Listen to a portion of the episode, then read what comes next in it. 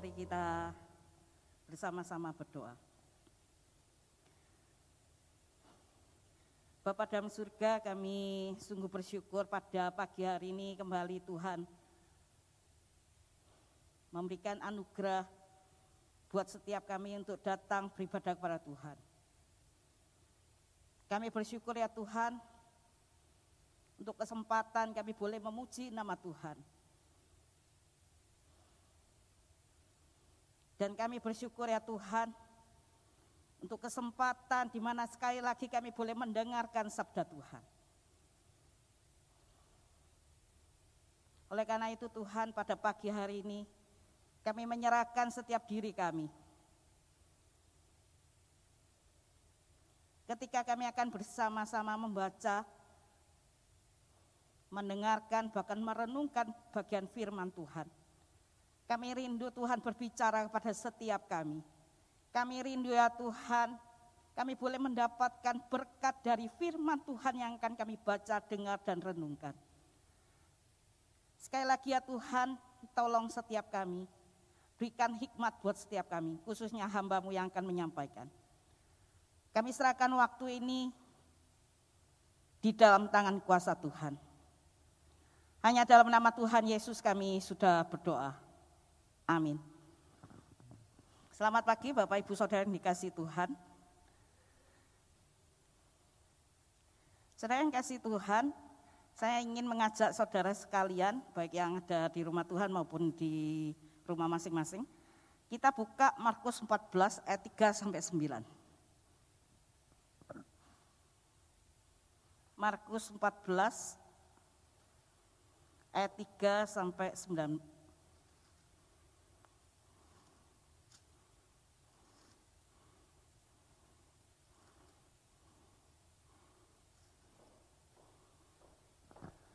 Markus 14 ayat 3 sampai 9. Saya akan bacakan buat setiap kita.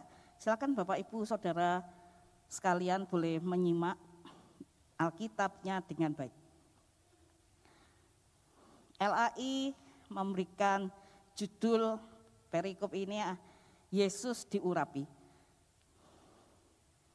Markus 14 ayat 3 sampai 9 demikian firman Tuhan. Ketika Yesus berada di Betania di rumah Simon si Kusta, dan sedang duduk makan, datanglah seorang perempuan membawa suatu buli-buli pualam berisi minyak narwastu murni yang mahal harganya. Setelah dipecahkannya leher buli-buli itu, dicurahkannya minyak itu ke atas kepala Yesus. Ada seorang ada orang yang menjadi gusar dan berkata seorang kepada yang lain, untuk apa pemborosan minyak narwastu ini? Sebab minyak ini dapat dijual 300 dinar lebih dan uangnya dapat diberikan kepada orang-orang miskin. Lalu mereka memarahi perempuan itu.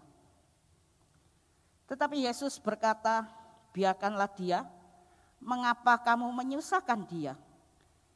Ia telah melakukan suatu perbuatan yang baik padaku karena orang-orang miskin selalu ada padamu, dan kamu dapat menolong mereka bila mana kamu menghendakinya. Tetapi aku tidak akan selalu bersama-sama dengan kamu. Ia telah melakukan apa yang dapat dilakukannya. Tubuhku telah diminyakinya sebagai persiapan untuk penguburanku. Aku berkata kepadamu, sesungguhnya di mana saja Injil diberitakan, di seluruh dunia. Apa yang dilakukannya ini akan disebut juga untuk mengingat dia. Nah Bapak Ibu Saudara yang dikasih Tuhan, pada minggu prapaskah yang kedua ini, kita diajak untuk merenungkan satu tema berikan yang terbaik. Sedang kasih Tuhan berbicara tentang memberikan yang terbaik ada baiknya kita perlu mengerti ya apa sih memberikan yang terbaik itu. Memberikan yang terbaik adalah memberikan dengan tulus, penuh syukur, bersuka cita, tanpa terpaksa dan berat hati. Nah Bapak Ibu Saudara yang dikasih Tuhan jadi memberikan yang terbaik itu keluar dari hati kita. Memberi dengan tulus, penuh syukur, tanpa terpaksa atau berat hati. Dengan penuh sukacita kita memberikan. Nah saudara yang kasih Tuhan, memberikan yang terbaik, saya pikir bukan hanya untuk sesama kita. Ya, kita ingat ketika kita mau memberikan seseorang mungkin itu barang atau yang lainnya, kita akan lihat, kita akan berusaha untuk memberikan yang terbaik buat dia, buat orang itu. Apalagi kalau orang itu kita kasihi dalam tanda kutip. Terlebih lagi untuk Tuhan yang sudah mengorbankan dirinya untuk menebus dosa-dosa kita. Saudara yang kasih Tuhan, terlebih untuk Tuhan kita juga harus melakukan hal yang sama. Memberikan yang terbaik. Nah Bapak Ibu Saudara yang kasih Tuhan, melalui perikop yang tadi sudah kita baca, Markus 14 ayat 3 sampai 9, ini merupakan satu peristiwa. Peristiwa terakhir menuju Golgota yang ingin dikisahkan oleh si Markus yang ingin diceritakan oleh Markus. Nah, di mana di dalam peristiwa terakhir ini nampak dengan nyata dan itu yang hendak diperlihatkan Markus oleh uh, kepada kita sekarang pada pagi hari ini. Satu kenyataan tentang kasih seorang perempuan kepada Tuhan Yesus. Nah, saudara yang kasih Tuhan yang menariknya adalah kalau kita lihat dalam Markus 14 ayat 1 sampai 2, kita bisa melihat, mengerti. Ini hal yang suatu hal yang luar biasa. Di saat banyak orang ingin menangkap dan menyalibkan Tuhan, membunuh Tuhan, eh ada orang yang mengasihi Tuhan. Ya, di saat banyak orang ingin menghabisi Yesus, tapi ada satu, tetap aja ada orang yang mengasihi Tuhan. Dan kasih itu dari seorang perempuan. Perempuan siapa? Perempuan tentu saja seorang yang berdosa. Nah saudara yang kasih Tuhan. Dan kasih inilah yang mendorong perempuan ini untuk memberikan yang terbaik. Dengan tulus, dengan sukacita, tidak dengan berat hati.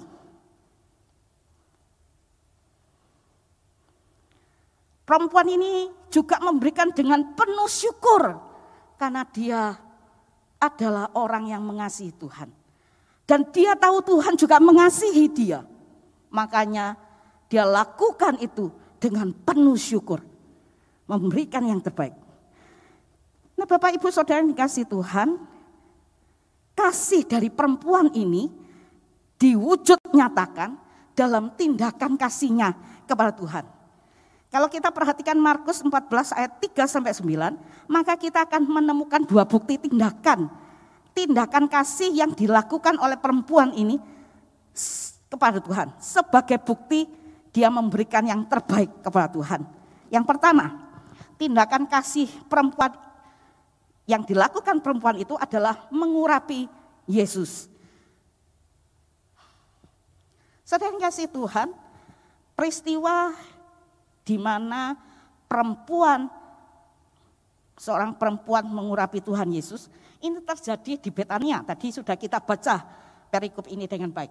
Di rumah seorang yang bernama Simon yang dijuluki si kusta.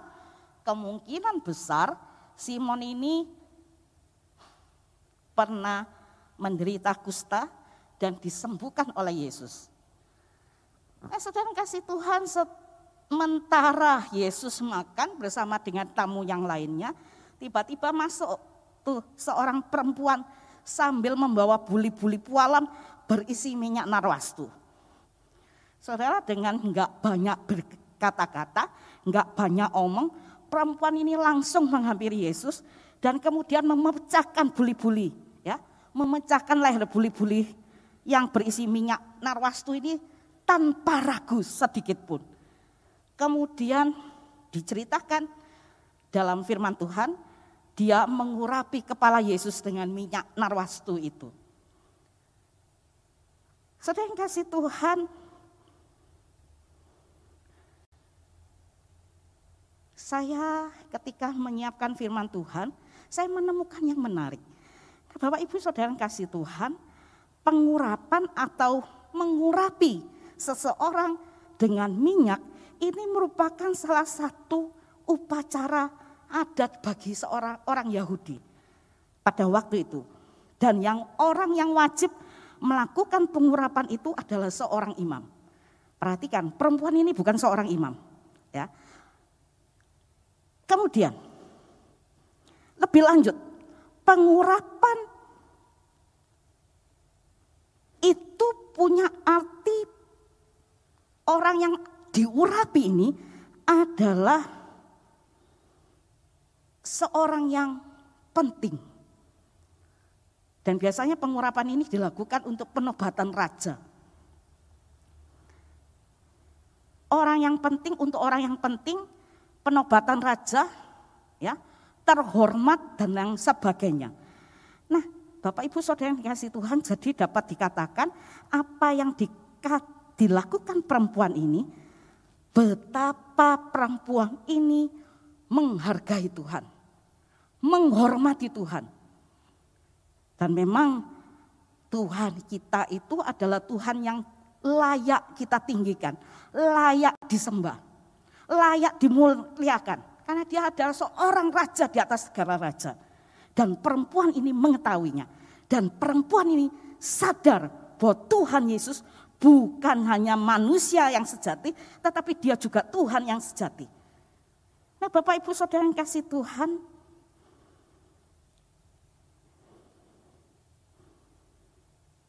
rasa hormat, penghargaan itu keluar. Seseorang dapat menghormati dan menghargai ketika ada rasa kasih di dalamnya. Dia ingin memberikan yang terbaik.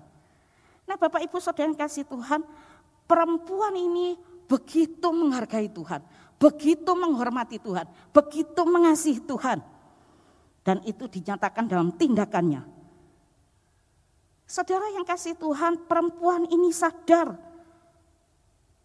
bahwa ketika dia melakukan mengurapi Tuhan Yesus, maka semua mata orang yang ada di ruangan itu akan memandang dia dengan tajam. Bukan hanya tatapan tajam, mungkin tatapan aneh, Sedang kasih Tuhan bukan saja tatapan tajam dan aneh, bahkan mungkin mata orang-orang pada saat itu melihat dia seakan-akan hendak menghina, mengucilkan perempuan ini. Karena pada waktu itu budaya pada saat itu tidak diperkenankan seorang wanita menyentuh atau memegang pria asing yang bukan suaminya. Yang kasih Tuhan, sangat mungkin sekali jika wanita ini, perempuan ini akan dipandang sebagai seorang pelacur. Seorang yang berdosa yang harus dibuang. Maafkan.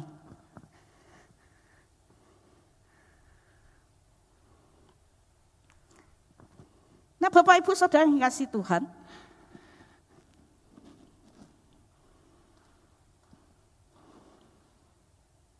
Tetapi yang luar biasa adalah tadi kita sudah baca juga bagian lain orang yang yang melihat itu bukan hanya memberikan tatapan aneh, menganggap dia seorang pelacur, bahkan jadi marah. Nah, saudara kasih Tuhan, tapi perempuan ini tetap melakukan hal itu. Dia begitu mengasihi Tuhan, dia begitu menghormati Tuhan. Dan itu semua keluar dari rasa kasihnya yang besar kepada Tuhan Yesus. Saudara perempuan ini rela dianggap hina demi Tuhan. Dia tidak lagi mem memikirkan, memperhatikan keberadaan dirinya. Yang dia tahu bahwa ia sangat mengasihi Tuhan sedemikian rupa. Yang dia tahu bahwa ia ingin menunjukkannya kasih itu dalam bukti tindakan.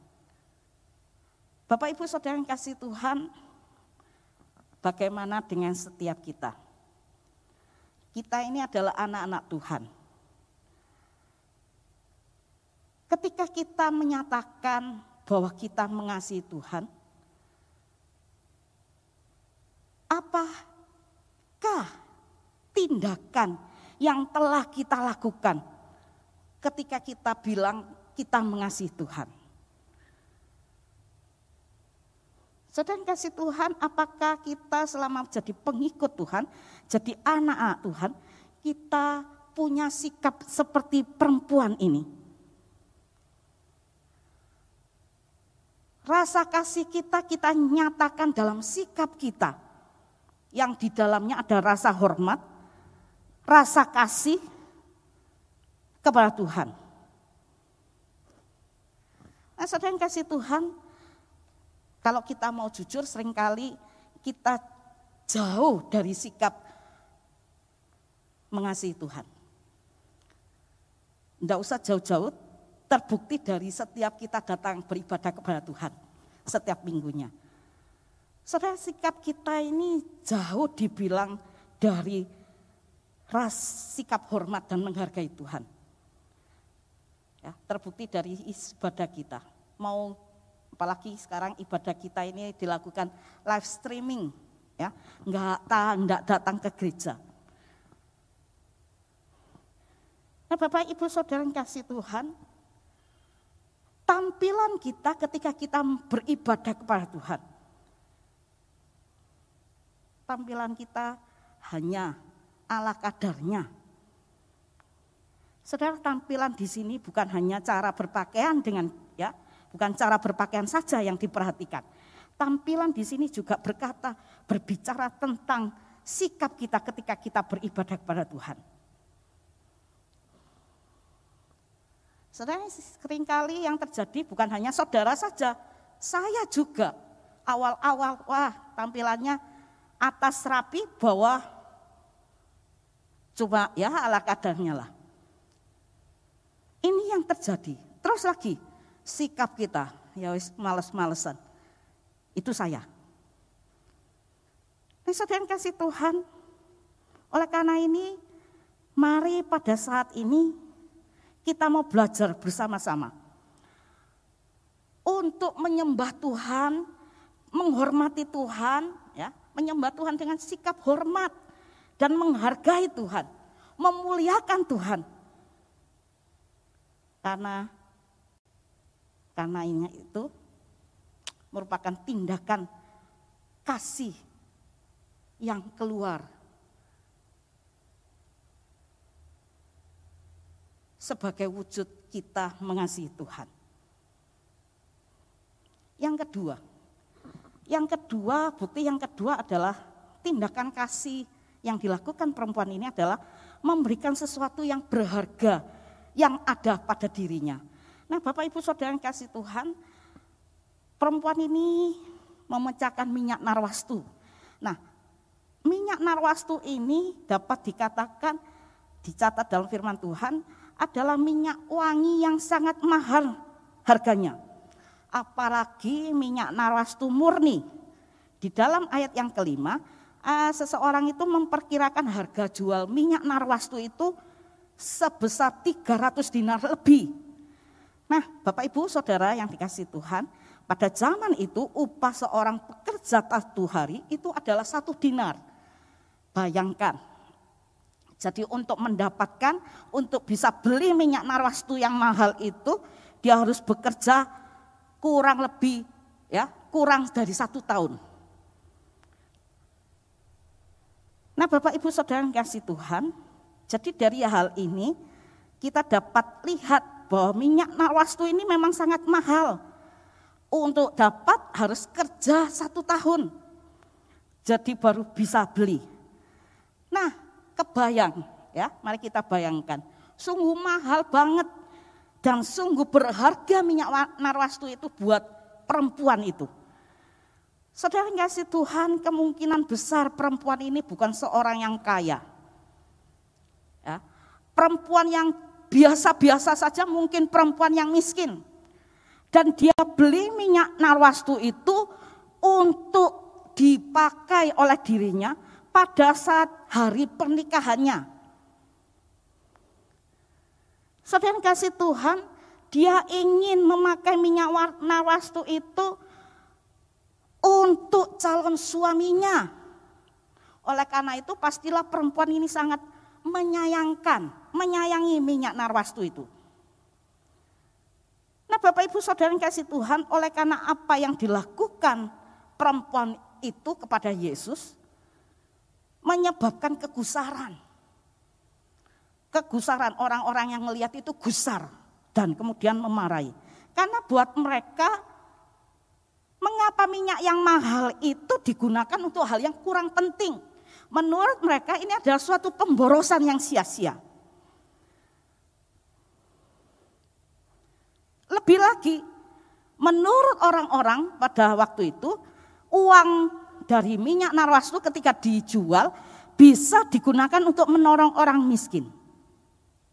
Sedang kasih Tuhan, tetapi yang menarik adalah perempuan ini walaupun orang-orang gusar, walaupun dia sadar minyak itu begitu mahal, begitu berarti buat dirinya, sedang kasih Tuhan, tetapi rasa kasihnya kepada Tuhan itu meng, menghapus segalanya. Dia tidak menyayangkan minyak yang mahal itu untuk Tuhan. Dia tidak menghiraukan kegusaran orang-orang yang mengatakan menyebut dirinya melakukan pemborosan. Sedang kasih Tuhan yang dia tahu dia ingin menunjukkan rasa kasihnya dalam satu bukti tindakan. Yaitu memberikan yang terbaik buat Tuhan. Sesuatu yang berharga buat Tuhan. Sedang kasih Tuhan, minyak yang murni dan mahal itu tetap dituang ya. Dituang oleh perempuan di dalam bagian Injil yang lainnya disebutkan namanya yaitu Maria dalam Yohanes 12 ayat 1 sampai 8.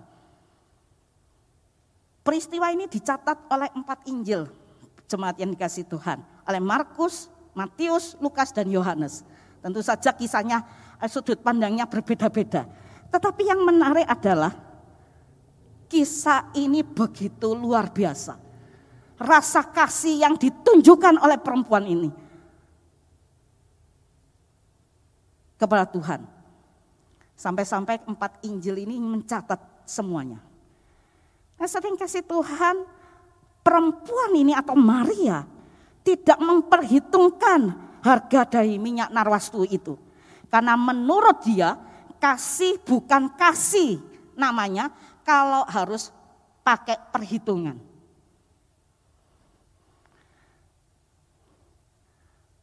Perempuan ini memberikan apa yang dia miliki, apa yang dia kasihi, yang sayangi. Sedang memberikan apa yang paling berharga buat dirinya. Dan itu dikatakan bahwa perempuan ini memberikan yang terbaik buat Tuhan. Karena dia memberikan segala-galanya untuk Tuhan. Sedang kasih Tuhan persembahan dari perempuan ini tulus karena dia tidak pernah ngeluh dari hinaan, kegusaran orang yang menganggap dirinya melakukan pemborosan, hinaan dan lain sebagainya.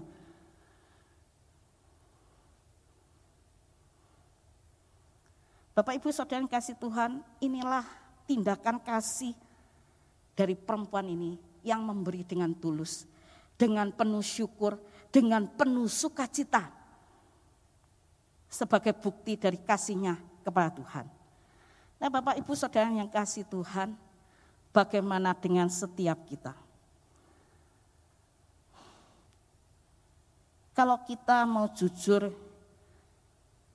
kita ini jauh ya. Jauh kalau dibandingkan dengan perempuan atau Maria ini. Seringkali kalau kita mau jujur, kita kurang memberikan yang terbaik.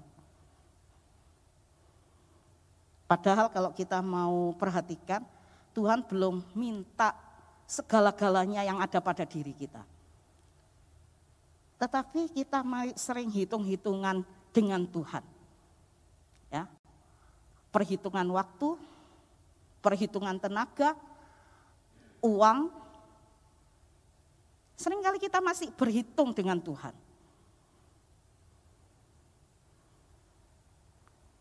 Nah Bapak Ibu Saudara yang kasih Tuhan, saya ingin cerita, ya cerita satu uh, ilustrasi. Saya punya ilustrasi begini. Ini pernah saya ceritakan uh, mungkin berapa tahun yang lalu ya, sudah mungkin Bapak Ibu juga sudah lupa. Tapi nggak apa-apa saya ceritakan kembali. Ya, uh, ada seorang petani Kristen, dia punya, dia ingin punya keinginan dan disampaikan oleh istrinya. Dia ingin mempersembahkan persembahan untuk pekerjaan Tuhan. Dia berkata, ibu sapi kita, sapi betina kita kan sedang hamil. Nanti beberapa hari akan melahirkan.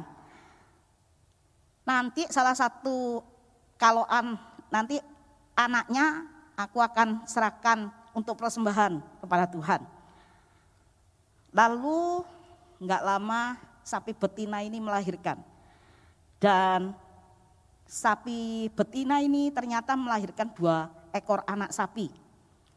Bapak Ibu Saudara yang kasih Tuhan, petani ini mulai bingung.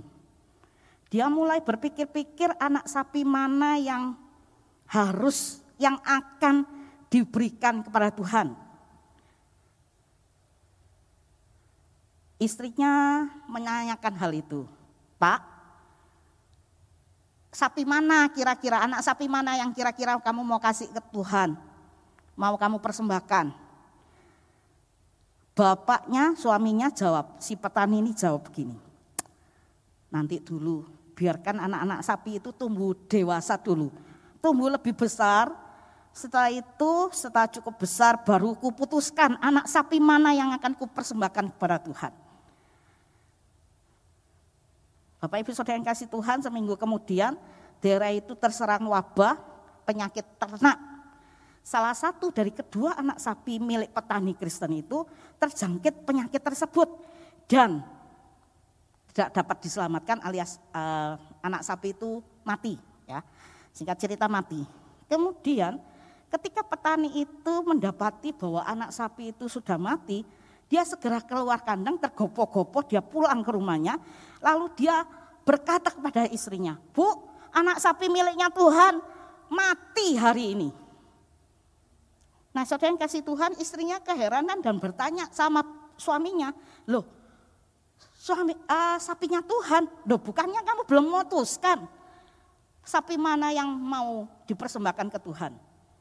Bapak Ibu Saudara yang kasih Tuhan, petani itu jawab, Ya kemarin-kemarin aku memang belum memutuskan.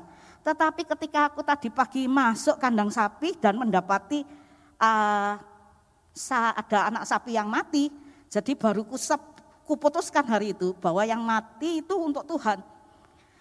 Saudara yang kasih Tuhan, kalau kita mau pikir betapa seringnya kita berlaku seperti petani ini. Ya, Seringkali kita berlaku sama seperti petani ini. Kita sayang terhadap apa yang akan kita persembahkan buat Tuhan. Baik itu berkaitan dengan harta, waktu, tenaga, pikiran. Sering kasih Tuhan, kalau kita mau jujur, kita sering kali itu memberikan yang jelek, yang sisa. Sama yang petani ini lakukan. Bukan hanya dalam uh, uh, soal harta kita, tapi dalam pelayanan kita pun kita sering kali ala kadarnya. Bukan hanya saudara, saya juga. Nah Bapak Ibu Saudara yang kasih Tuhan, padahal kalau kita mau pikir Tuhan itu sungguh, sungguh mengasihi kita. Bukti kasihnya dia mengorbankan dirinya untuk kita. Darahnya diberikan untuk mengampuni mengampuni segala dosa-dosa kita. Pujian tadi mengingatkan kita, Yesus mati untukmu, untuk saya. Kasihnya hanya untukmu dan untuk saya. Tapi apa yang kita lakukan? Kita masih sering perhitungan. Kita masih sering kasih Tuhan yang sisa-sisa. Sisa tenaga kita ketika sudah tidak bisa ngapa-ngapain baru kita kasih ke Tuhan. Sedang kasih Tuhan ketika dalam pelayanan pun kita masih kasih yang sisa. Sudah sisa kita tidak lakukan terbaik lagi.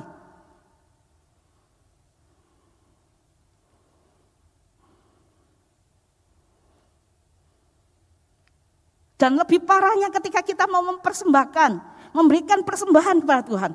Kita masih hitung-hitungan sama Tuhan. Kalau aku kasih ini apa yang Tuhan kasih buat saya?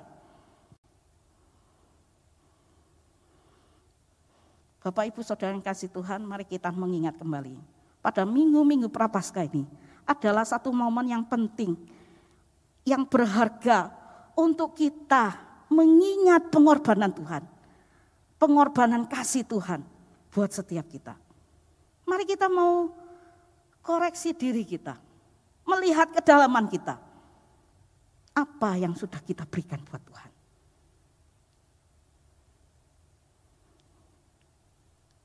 Bapak Ibu Saudara yang kasih Tuhan, satu hal yang harus kita ingat, kasih bukan kasih kalau masih memperhitungkan harga, untung dan rugi. Kasih bukan kasih kalau kita masih memberikan yang sisa-sisa kepada Tuhan. Yang kedua, Hati yang dipenuhi kasih itu selalu ingin memberi yang terbaik. Bukan sisa-sisa. Entah itu sisa uang, sisa tenaga, sisa waktu, sisa pikiran.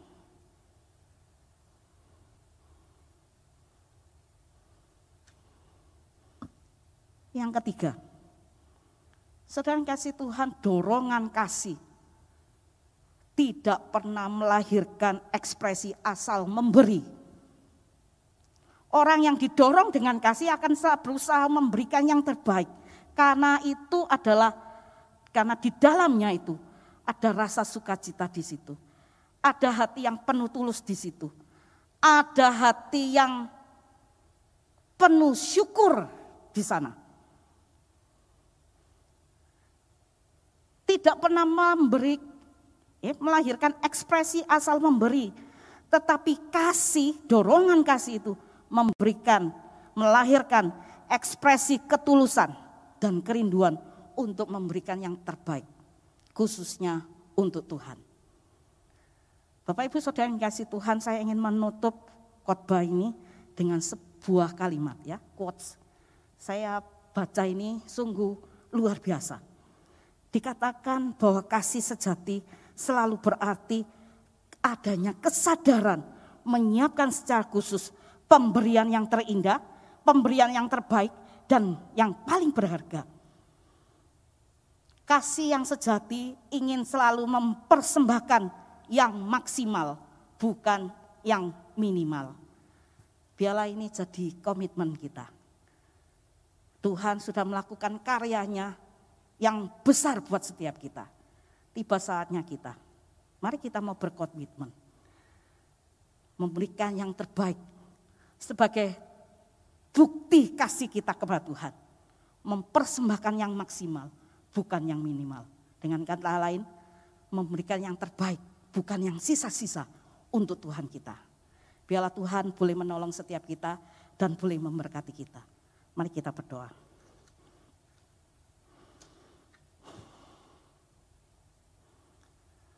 Bapak dan kerajaan surga, terima kasih untuk firman Tuhan pada pagi hari ini. Yang mengingatkan kami akan kasih kami kepada Tuhan. Tuhan sungguh kami rindu meneladani sikap dari perempuan ini. Yang menyatakan kasihnya melalui tindakan, bukan sekedar kata-kata. Ya Tuhan ampuni kami jika selama ini kami tidak mewujudkan tindakan kasih kami. Seringkali Tuhan, kami masih berhitung dengan Tuhan. Ampuni kami Tuhan jika kami memberikan yang sisa-sisa dari kami kepada Tuhan. Tuhan, kami rindu, kami boleh ditolong Tuhan, ke depannya Tuhan. Untuk memberikan yang terbaik buat Tuhan.